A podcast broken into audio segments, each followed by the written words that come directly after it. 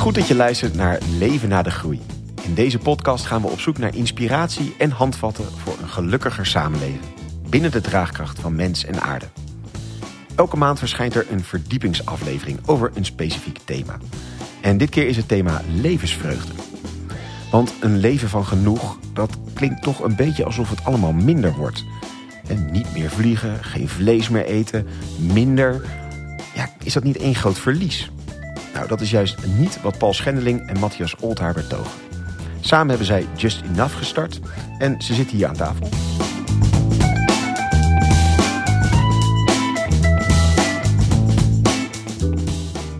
Allereerst misschien zouden jullie jezelf kort kunnen voorstellen, Matthias. En dan ben ik ook wel benieuwd, levensvreugde, wat geeft jouw levensvreugde? Ja, uh, mijn naam is Matthias Olthaar en ik ben uh, getrouwd met Christine. En samen zijn we de ouders van drie kinderen in de leeftijd van 2, 4 en 7. En uh, dan ga ik gelijk even naar die vraag over levensvreugde... want dat is wel echt een hele grote bron van vreugde. Het is heel cliché, maar tijd en spelen met mijn kinderen... en daar ook echt tijd voor maken en aandacht hebben met elkaar... leuke dingen doen. Het is net herfstvakantie geweest. Ik ben bijvoorbeeld met, uh, met de middelste zoontje... naar buurman de buurman geweest in het theater. Ja, dat is, dat is genieten. En, uh, en, en als, als werk werk ik als lector, zeg maar onderzoeker... aan de, aan de NL Stende Hogeschool in Leeuwarden en Emmen... En uh, ik ben natuurlijk ook heel actief voor de stichting als vrijwilliger. Top. En Paul? Ja, Paul Schendering, uh, 35 jaar, getrouwd, twee kinderen. Ik ben uh, econoom van huis uit en medeoprichter van Just Enough en uh, Postgroen Nederland, waar ik me nu fulltime voor inzet. En ik, ik hou heel erg van onverwachte ontmoetingen. Dus die spontane ontmoetingen, dat kan inderdaad zijn dat je ineens contact maakt met je kind op een andere manier, omdat je een onverwachte of hele grappige situatie terechtkomt. Of met iemand op straat of in de trein. Of, dat vind ik heel leuk. We hoorden al een paar keer het woord Just Enough voorbij komen, de naam. Misschien als allereerste, waar komt die naam vandaan en waar staat die voor? Ja, Just Enough, dat betekent precies genoeg. En dat is eigenlijk waar we voor staan. Want waar we naar op zoek zijn, is een goed leven binnen de draagkracht van de aarde, de ander en jezelf. En wat we leren uit bijvoorbeeld de wetenschappelijke literatuur, is dat alleen een leefstijl van genoeg de aarde leefbaar kan houden. En dat klinkt heel erg als iets wat noodzakelijk is, maar nou ja, we gaan het vandaag natuurlijk ook hebben over welke vreugde dat met zich, uh, met zich meebrengt. Um, en genoeg is ook, betekent niet te veel, maar betekent tegelijkertijd ook niet te weinig. Het is niet dat we armoede propageren of een heel sober ascetisch bestaan bewijzen van spreken. Tegelijkertijd zie je in de naam natuurlijk ook het woordje just, dus dat staat voor gerechtigheid. Ja. Dus wij, wij, wij streven naar ecologisch, sociaal en klimaatrechtvaardigheid. En uh, je kunt ook spelen met het woordje enough. Uh, want we zijn idealistisch. En van bepaalde dingen hebben we juist ook wel weer genoeg. In het Engels zou je zo mooi kunnen zeggen: We have just had enough. Ja. Uh, een soort van ja, strijdvaardigheid eigenlijk, dat, dat, dat zit er ook wel in. Nou, en dat is eigenlijk wat we inderdaad met die naam willen communiceren. Ja, en je zegt nou heel goed van uh, genoeg. Ik heb dan gelijk de vraag van wanneer is genoeg genoeg of hoe, hoe zit dat? Daar komen we denk ik straks wel, wel goed op. Um, eerst misschien even nog iets toch over die noodzaak. Want dat heb ik een beetje met het hele thema levensvreugde en misschien jullie hele stichting. Dat je denkt, ja, doe levensvreugde even in je vrije tijd erbij. We hebben gewoon keihard bittere noodzaken. We moeten gewoon knallen om te zorgen dat we binnen de grenzen van de planeet blijven. Dus waarom is dat thema levensvreugde belangrijk? Waarom moeten we het daarover hebben? En was het ook eigenlijk het eerste onderwerp waarvan jullie zeiden... ja, dat moet gelijk als een special erin? Nou, het is wel grappig, want ik zou hem eigenlijk ook kunnen omdraaien. Zelfs al zouden we bij wijze van spreken morgen door een miraculeuze technische uitvinding... ineens binnen de dragers van de aarde leven, dan nog zou ik leven van genoeg mooi vinden, omdat je er zoveel vreugde uithaalt. Dus wel hm. grappig, je kunt hem echt helemaal twee kanten oplezen. Het mooie is dat het echt samen gaat. Dus het is echt een win-win. Het is echt de enige manier om snel genoeg binnen dragers van de aarde te komen. En het is ook echt een hele onverwachte manier, een verrassende manier om nieuwe levensvreugde te ontdekken. Dus ik, je zou kunnen echt van beide kanten aanvliegen. Want zo zou je een beetje cynisch kunnen benaderen, inderdaad. Van uh, het is vooral uh, dat we allemaal, het allemaal minder moet. Nou, laten we dan proberen dat nog een beetje een positieve twist te geven. Zo zie je het dus heel duidelijk niet. Het is niet een soort window dressing van een verhaal van dat het minder wordt. Nee, nee, en daarom zeg ik ook bewust verrassend. Uh, ook een beetje uit bescheidenheid. Want eerlijk gezegd, toen, toen ik zelf samen met mijn vrouw besloot van we gaan kijken of we binnen de dragers van de aarde kunnen leven, hadden we niet als eerste op het netvlies we gaan nu nieuwe levensvreugde realiseren. Het was echt een verrassing. Dat heeft echt mee te maken, je moet het ervaren en je moet het meemaken om erachter te komen waar die verborgen levensvreugde allemaal oppoppen in je leven. En toen ik het eenmaal ontdekt had, was het natuurlijk een enorme bron van enthousiasme om andere mensen uh, erover te vertellen. Dat, dat is zeker waar. Want Matthias, ik bijvoorbeeld naar jouw vraag van op welke manier leef jij van genoeg of probeer je te leven van genoeg? Wat, wat betekent dat in jouw leven? Ja, dat betekent uh, verschillende uh, dingen. Het betekent ook gewoon zien wat je hebt. En daar dankbaar voor zijn, dat geeft al heel veel vreugde. Het betekent ook heel concreet, kijk van wat heb ik echt nodig uh, aan producten, aan diensten. Wat draagt bij aan mijn kwaliteit van leven. En ik heb ook echt verrassende inzichten gedaan. Uh, wij, wij woonden hiervoor in, in Drenthe. Dan krijg je wat meer huis voor je geld dan op andere plekken in mm -hmm. Nederland. En we hadden eigenlijk al vrij jong bijvoorbeeld een, een vrijstaand huis. Mevrouw en ik, ons eerste koophuis was ook een vrijstaand huis. En uh, wij hebben ons huis uh, verkocht en een nieuw huis gekocht. En dan krijg je eigenlijk standaard, waar we ook waren in de trein, gingen de kinderen vertellen: we gaan verhuizen naar Zwolle. En, en dan krijg je de vraag van: oh, ik krijg geen grotere kamer. Nee, nee, zei mijn dochter. Want ze had toen 16 vierkante meter en nu 7,5. Nee, ik krijg een kleinere kamer. Dat werd dan niet begrepen. En, en ik vind het zo'n verademing om nu kleiner te wonen, want we zijn in een tussenwoning gaan wonen. en gek genoeg. Um, kan ik mensen niet eens een vrijstaand huis aanbevelen. Het is niet alleen dat ik, dat ik dit doe van ik denk van ja, dit is, dit is moreel juist of ik, ik, het is noodzakelijk. Of, um, uh, natuurlijk wil ik mijn kinderen ook leren leven van genoeg. Dus dan moet je het ook voorleven, voordragen. Maar het is ook echt gewoon zoveel fijner om minder bezit uh, te hebben. Want kun je dat vertellen? Waar, waarom is dat? Het is uh, vooral een hoop minder last. Ehm, niet alleen financiële lasten, maar ook uh, uh, qua onderhoud. Mm -hmm. Kijk, ons vorige huis, dan moet je denken dat we 13 ramen hadden beneden. Nou ja, ga die maar eens allemaal lappen. Of je gaat een glazenwasser inhuren, maar dan wil je die ook wel weer goed behandelen. Dus dan hadden we ook wel weer bepaalde afwegingen bij. Van ja, dan moet hij eigenlijk ook wel, vonden wij, uh, net zoveel betaald krijgen als wij. Dus dan wordt het ook wel weer een, een, een, een wat duurdere manier om je ramen te laten lappen. Het, er zat heel veel hout op. Er was elk jaar weer ergens anders iets van hout aan het rotten. Uh, als we de tuin wilden bijhouden, moesten we elke zaterdag gewoon de hele zaterdag in de tuin uh, bezig zijn. Um, en natuurlijk is het ook een, een groot huis om, om, uh, om schoon te, te, maken. En het gasverbruik was, was vrij, vrij hoog. En nu hebben we eigenlijk meer tijd, ook in het weekend. In plaats van dat we de hele dag in de tuin bezig zijn... kan ik gewoon met de kinderen springen op de trampoline... of een rondje fietsen. Of mee naar de musicalles van mijn dochter of, of de zwemles.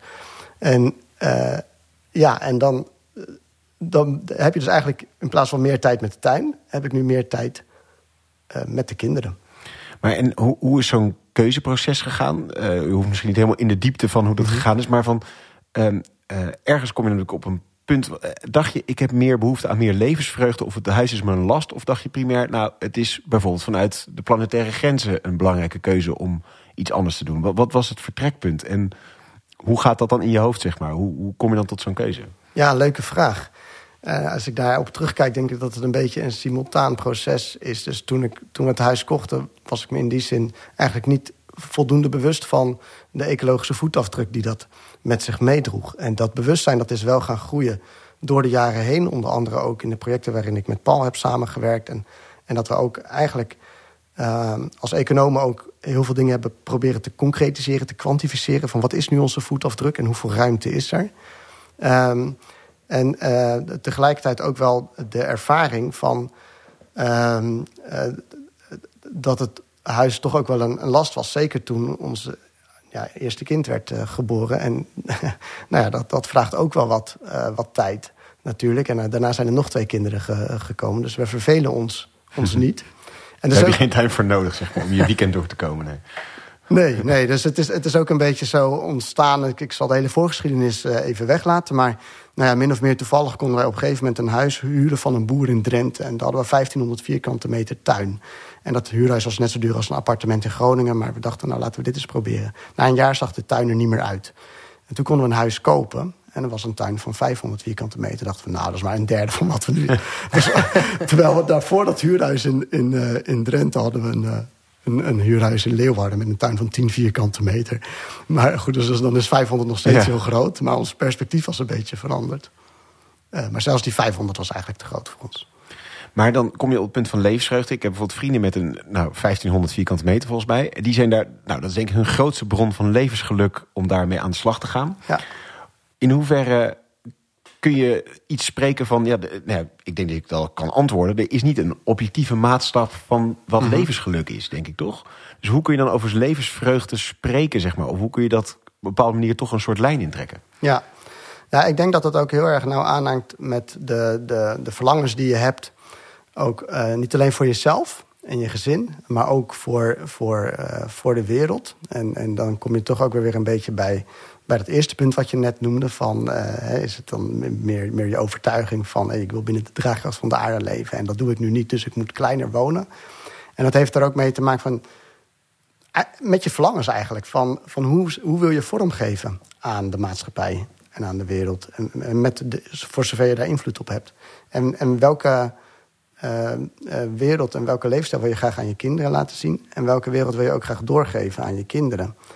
En, en dan ontstaat er een, een verlangen naar eigenlijk een hele mooie maatschappij en een mooie wereld. En dan ontstond er ons ook het verlangen om daar dan, ja, wat we kunnen daaraan bij te dragen. Dat we ook aan onze kinderen kunnen zeggen van, hé, hey, dit is wat we graag voor jullie voor ogen hebben. Een leefbare aarde. Op het moment dat jullie zo oud zijn als wij nu, dan leven we in de jaren 50 van deze eeuw. Dus nou ja, denk je eens in wat er in die tijd gebeurd kan zijn. Een leefbare aarde, eh, zonder armoede, eh, zonder honger. eh, waarin, waarin er misschien minder individualisme is, maar wel heel veel ruimte voor individualiteit. Hè? Dat is dat mensen kunnen zijn wie ze zijn, kunnen denken wat ze denken. En kunnen zich kunnen uiten zoals ze zijn. Een beetje dat soort beelden van hoe je graag de maatschappij wilt zien. En dan zeggen we, daar gaan we aan bijdragen. En het idee dat je met een bepaalde lijf, leefstijl bijdraagt aan het tegenovergestelde, dat wordt hoe langer hoe minder comfortabel. Dus dan heb je een groot huis met misschien veel comfort, maar dat idee dat knaagt.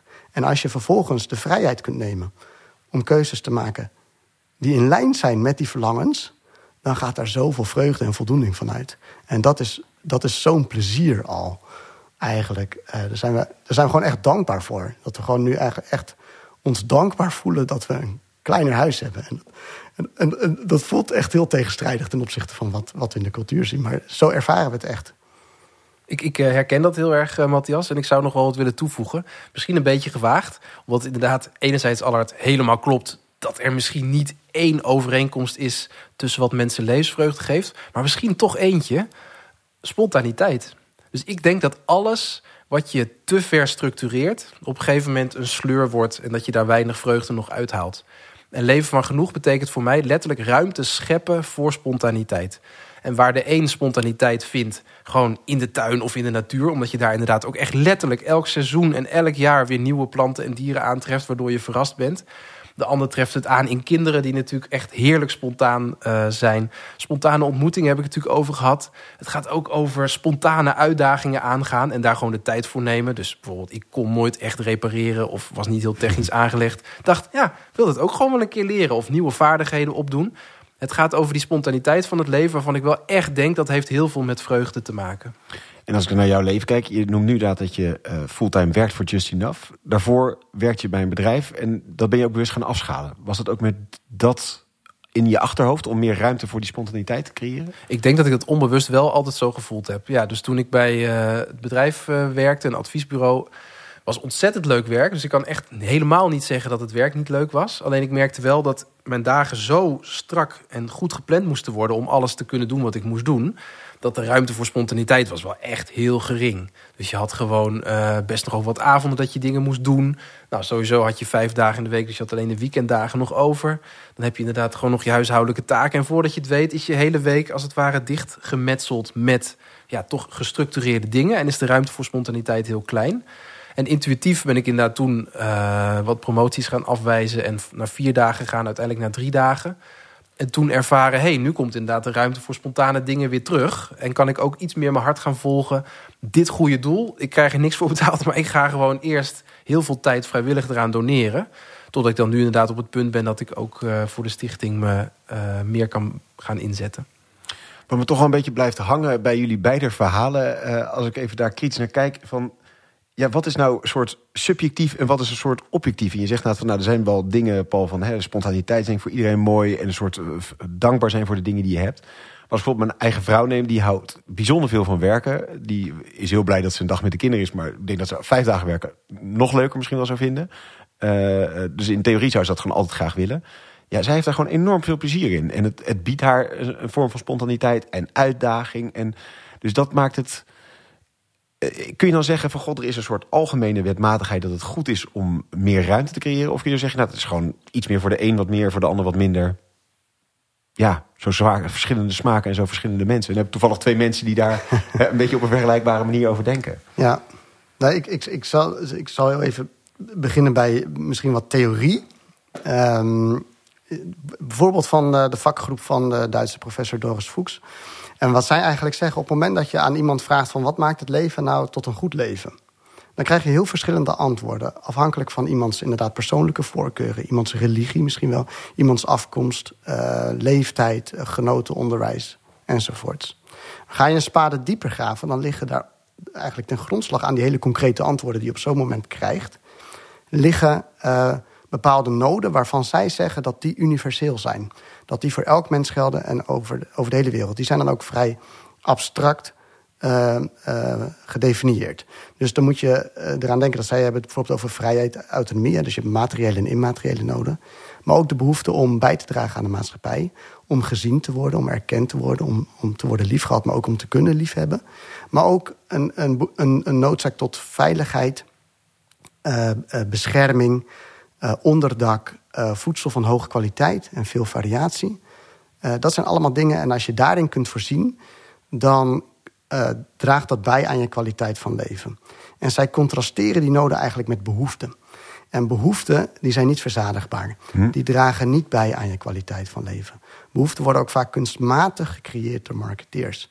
Overigens worden ze vaak vermomd als noden. He, dus een auto wordt zelden sec als een auto verkocht.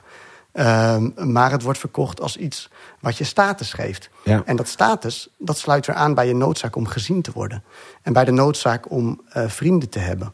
Um, of misschien uh, geeft het wel het idee dat het bijdraagt ook aan, aan, aan, aan je noodzaak tot, tot intimiteit en nou, liefde. En, en, autonomie, denk ik, met de auto. Autonomie, bedoel, dat is ja. altijd dat ze met een reclame door een woestijnlandschap rijden. Waar denk, ja, daar rijd ik Ja. nooit. Maar toch, ja. dat is dat gevoel van vrijheid wat dan opgeeft.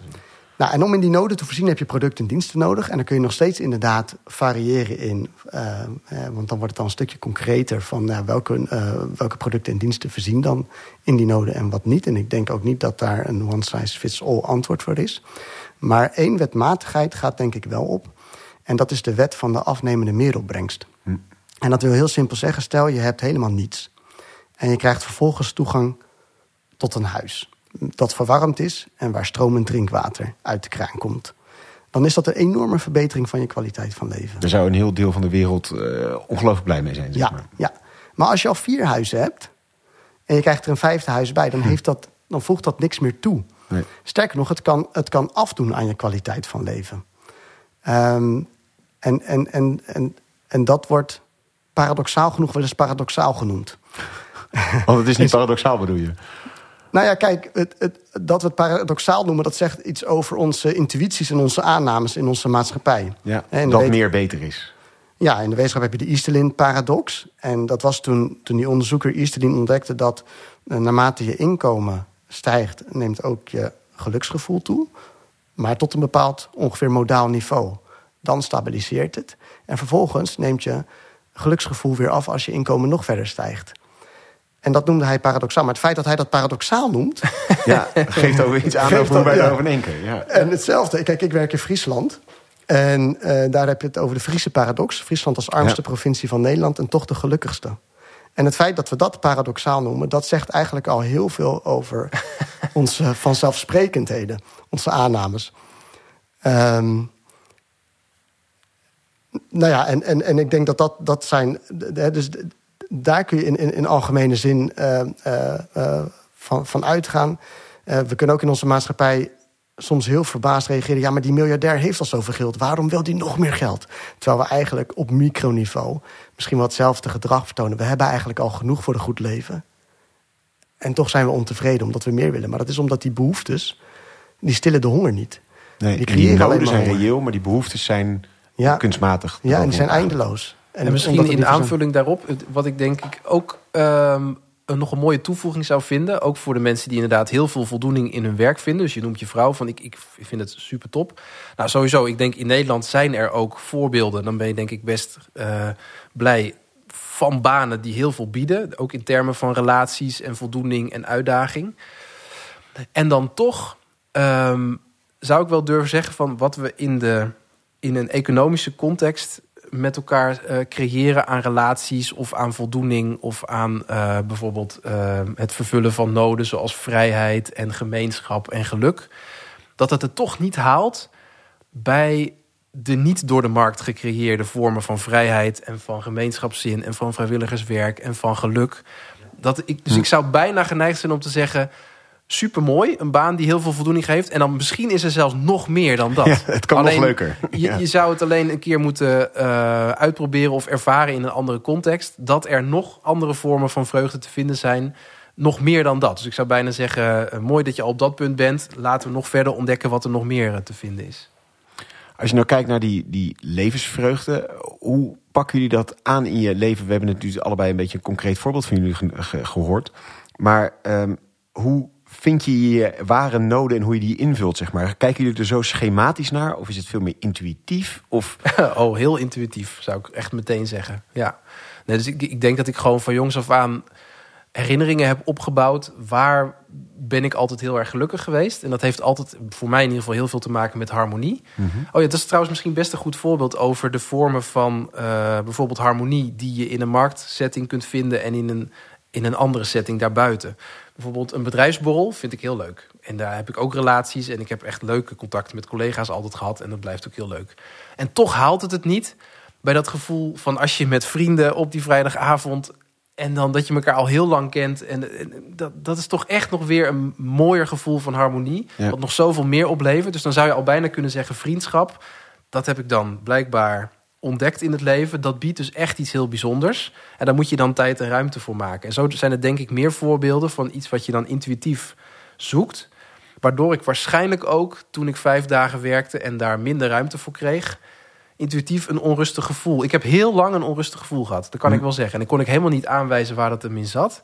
En uiteindelijk ben ik achtergekomen dat het in twee dingen zat. Het ene gevoel van onrust kwam dat ik dus niet genoeg tijd had voor die echte ontmoetingen. Uh, daar, daar miste ik echt wat. En het andere was dat ik niet echt kon bijdragen aan de doelen die, we, die me het meest na aan het hart uh, lagen.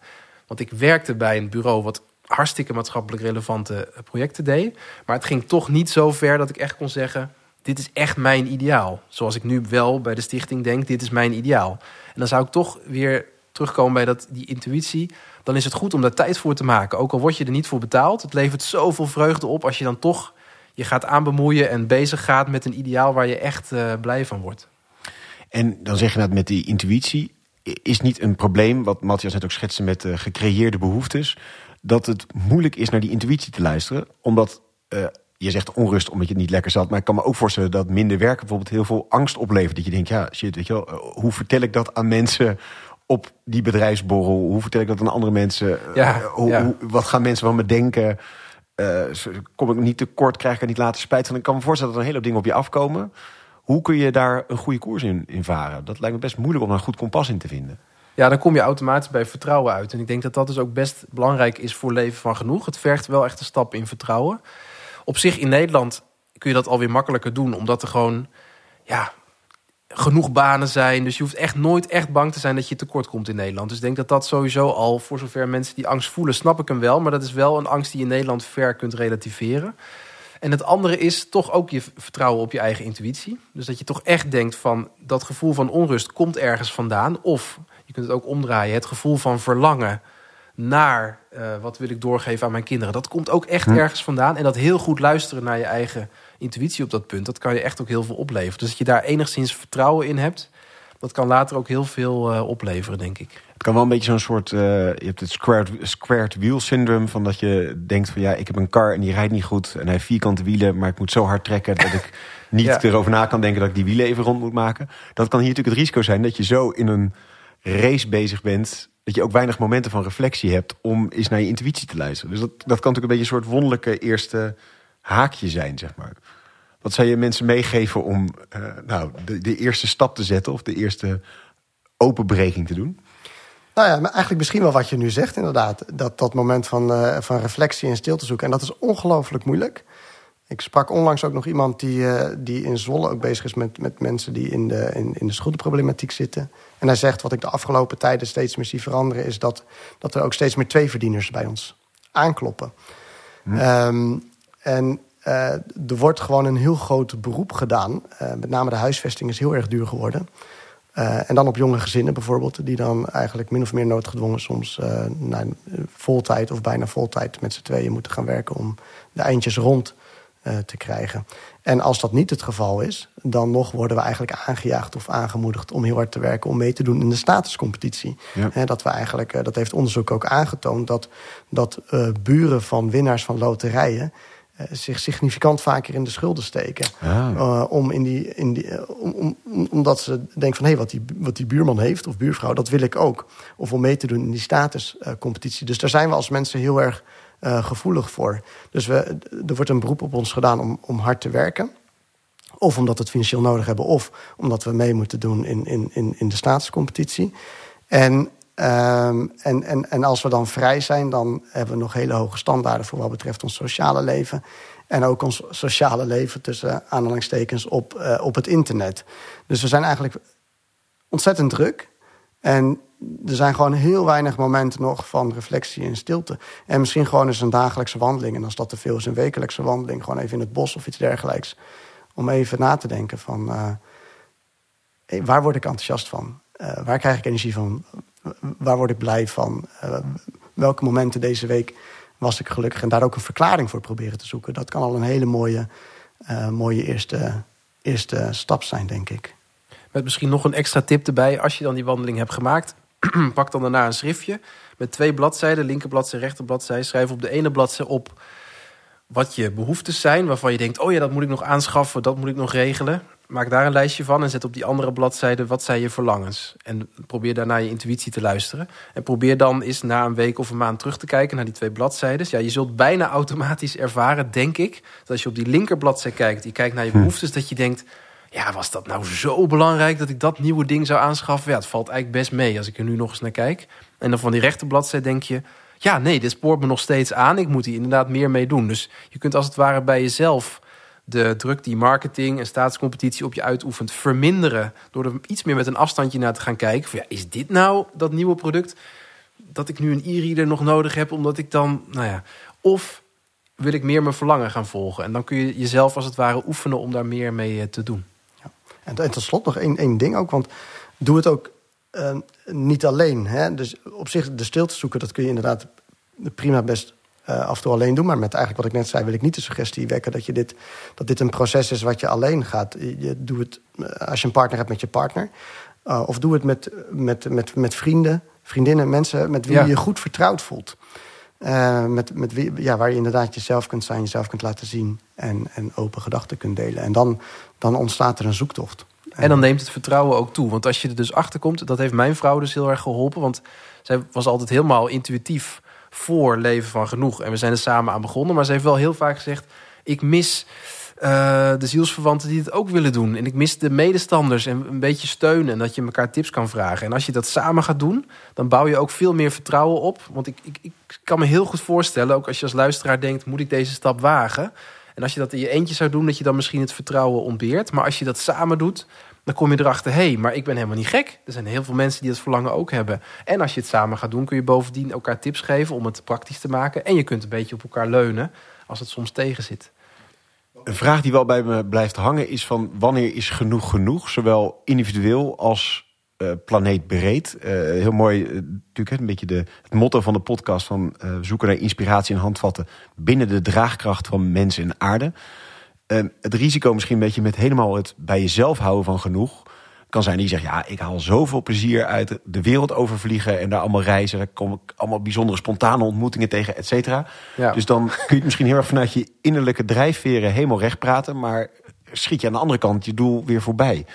Hoe kun je goed, zeg maar, die beide kanten van mens en aarde, jezelf en de, de hele wereld goed in balans houden? Dus in die zin, hoe, wanneer is genoeg genoeg? Wanneer vind je de, de juiste plek? Ja, ik denk dat dat heel goed is om gewoon een klein beetje te objectiveren, zodat je ook met elkaar uh, naar iets reëels streeft. En dat je ook echt kan zeggen, want dat motiveert namelijk veel meer. Ik heb echt mijn impact verbeterd. Uh, dus ja, wat ik persoonlijk mensen zou aanraden is gewoon kijk naar de Impact Top 10. Die kent iedereen wel van Babette Borselijn. Gaat gewoon heel concreet over welke vormen van consumptie dragen het meeste bij aan uh, het overschrijden van de draagkracht van de aarde. En probeer dan vooral je leven te veranderen op de, de, de vormen die het meeste daaraan bijdragen. Nou, heel simpel gezegd, het gaat over spullen.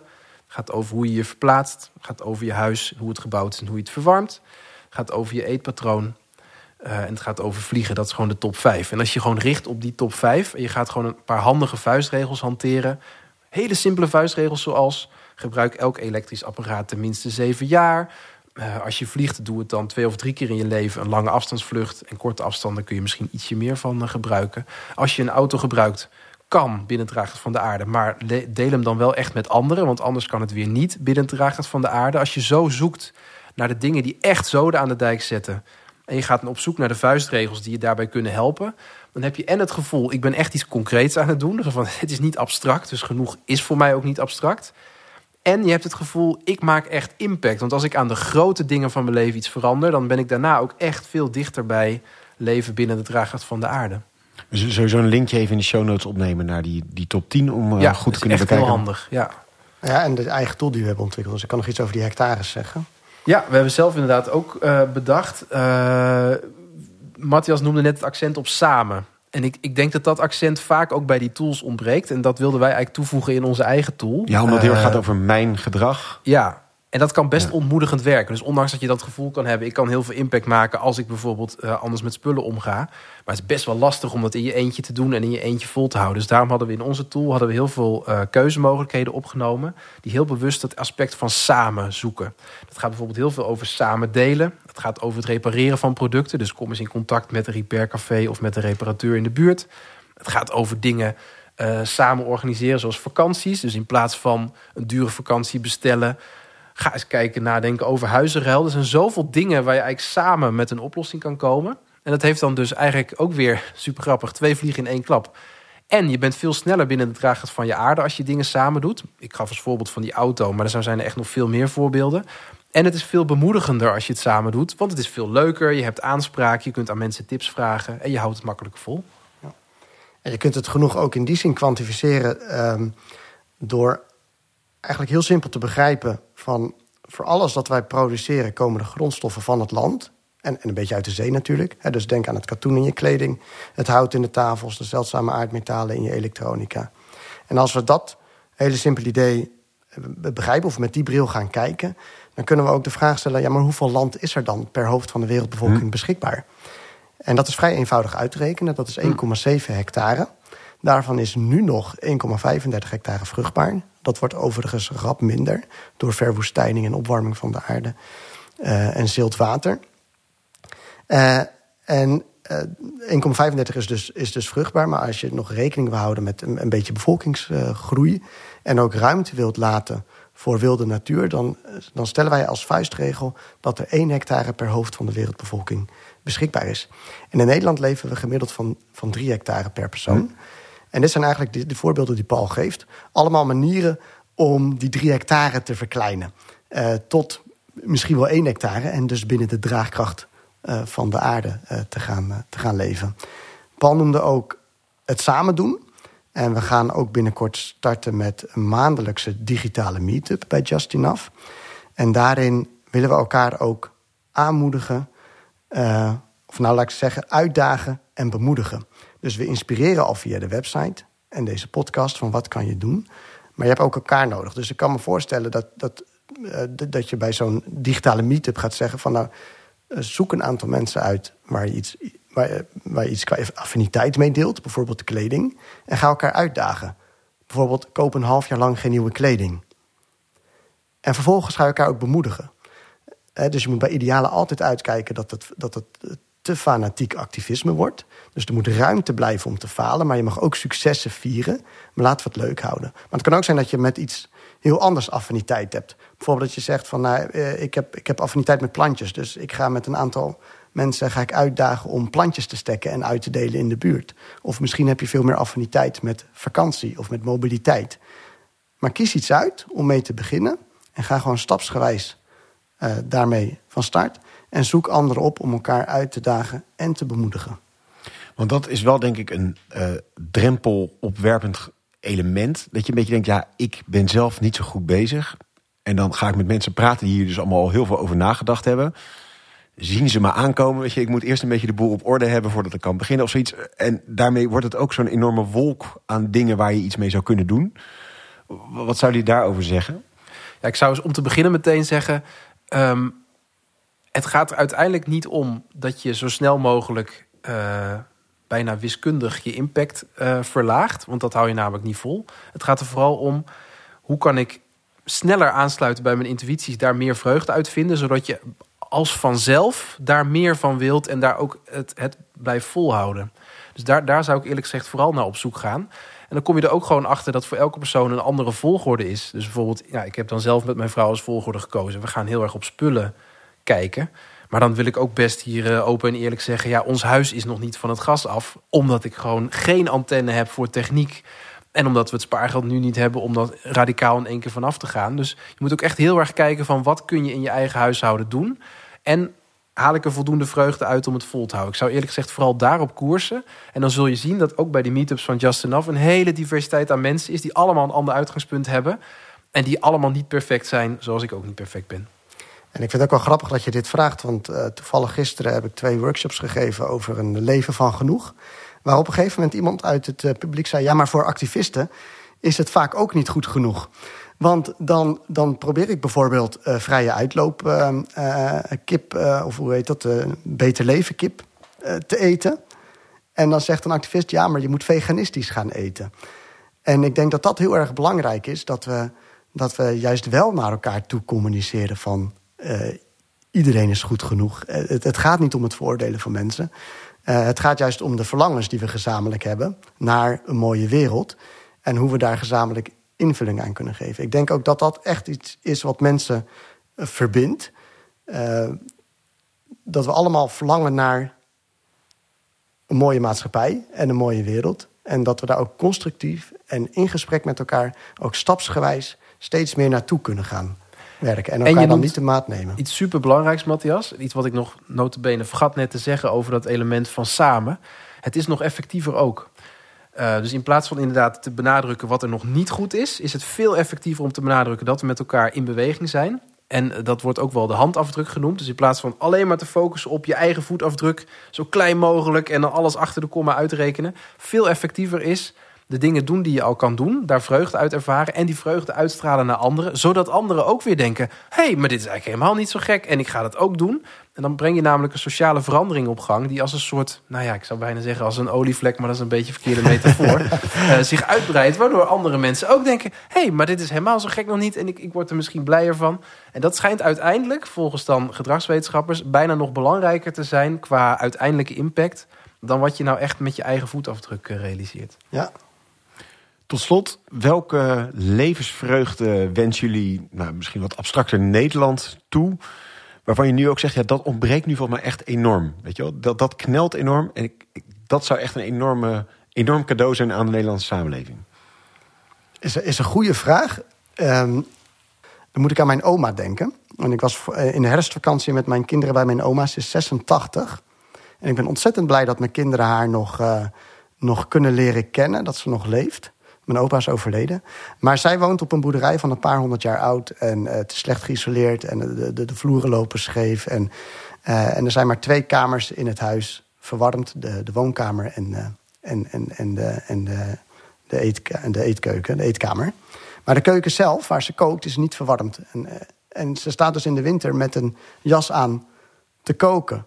Maar geen onvertogen woord. Zij, zij mijn oma, is, is niets anders dan dankbaarheid en tevreden. Ze is hm. in haar leven drie keer op vakantie geweest. Ze heeft weinig luxe gekend. Dus het is eigenlijk vooral noodgedwongen dat ze moest leven uh, van genoeg. Ja. Maar eh, de dankbaarheid en de tevredenheid die haar zo typeert... en haar intelligentie ook... en, en hoe ze uh, uh, zoveel vreugde schept in het leven... ik ben ontzettend dankbaar eigenlijk dat, dat mijn kinderen dat nog mogen zien uh, bij haar en haar mogen kennen. Dat we daar ook over kunnen blijven praten en op terug kunnen kijken. Mooi. En dat, en, en dat denk ik van, oh ja, dat zou ik, zou ik zoveel mensen eigenlijk ook en mezelf ook gunnen. Dat je gewoon kunt opstaan 's ochtends en dankbaar kunt zijn voor wat je hebt. En dat je mag leven en dat je mensen om je heen hebt. En uh, ja, dat is het eerste wat in me opkomt. Ja, en bij mij was het eerste wat in me opkomt. Uh, ik wens Nederland heel veel gemeenschapszin toe. En het klinkt misschien als een groot begrip, maar voor mij is gemeenschapszin eigenlijk iets heel kleins. Namelijk dat op een gegeven moment dat ik dacht, ik wil gewoon de mensen in mijn straat kennen.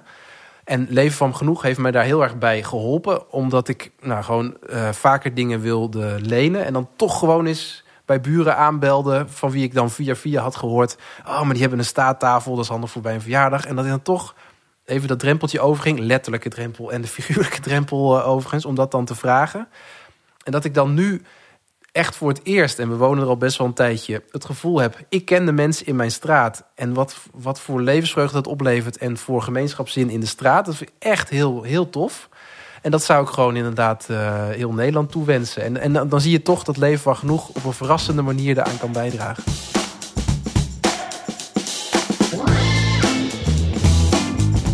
Dank jullie wel, Paul en Matthias. En jij natuurlijk bedankt voor het luisteren. Hopelijk heeft je dit inderdaad inspiratie en concrete handvatten opgeleverd. Wil je meer informatie over Just Enough? Kijk dan op de website justenough.nl. En dus in de show notes een paar dingen waar we naar hebben verwezen deze aflevering. Die kun je daar allemaal terugvinden. Heel belangrijk, abonneer je, want dan blijf je op de hoogte van nieuwe afleveringen. Volgende maand weer twee prachtige nieuwe afleveringen erbij. En deel deze aflevering vooral met wie je nog meer moet horen. En heel graag tot de volgende keer.